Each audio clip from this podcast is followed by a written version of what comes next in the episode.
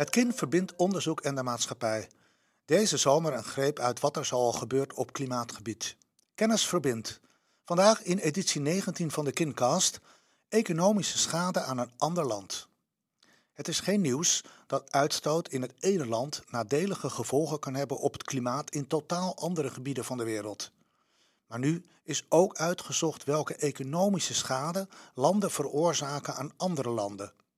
Zo weten we nu hoeveel schade Mexico ondervindt van de uitstoot van de Verenigde Staten, het land dat samen met China overigens voor de meeste uitstoot zorgt. Het gaat om een bedrag van 79 miljard euro aan bruto binnenlands product tussen 1990 en 2014.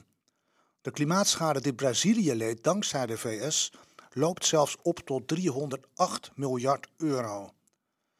De warmere landen zijn vaak de grootste pineut van de klimaatverandering, zo is te lezen op de site van HLN.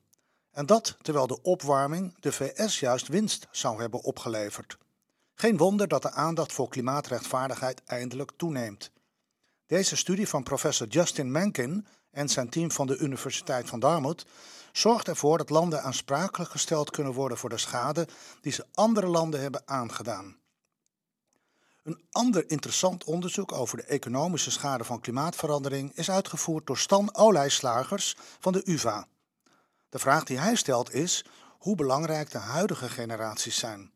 Nu investeren in CO2-reductie betaalt zich uit in de toekomst.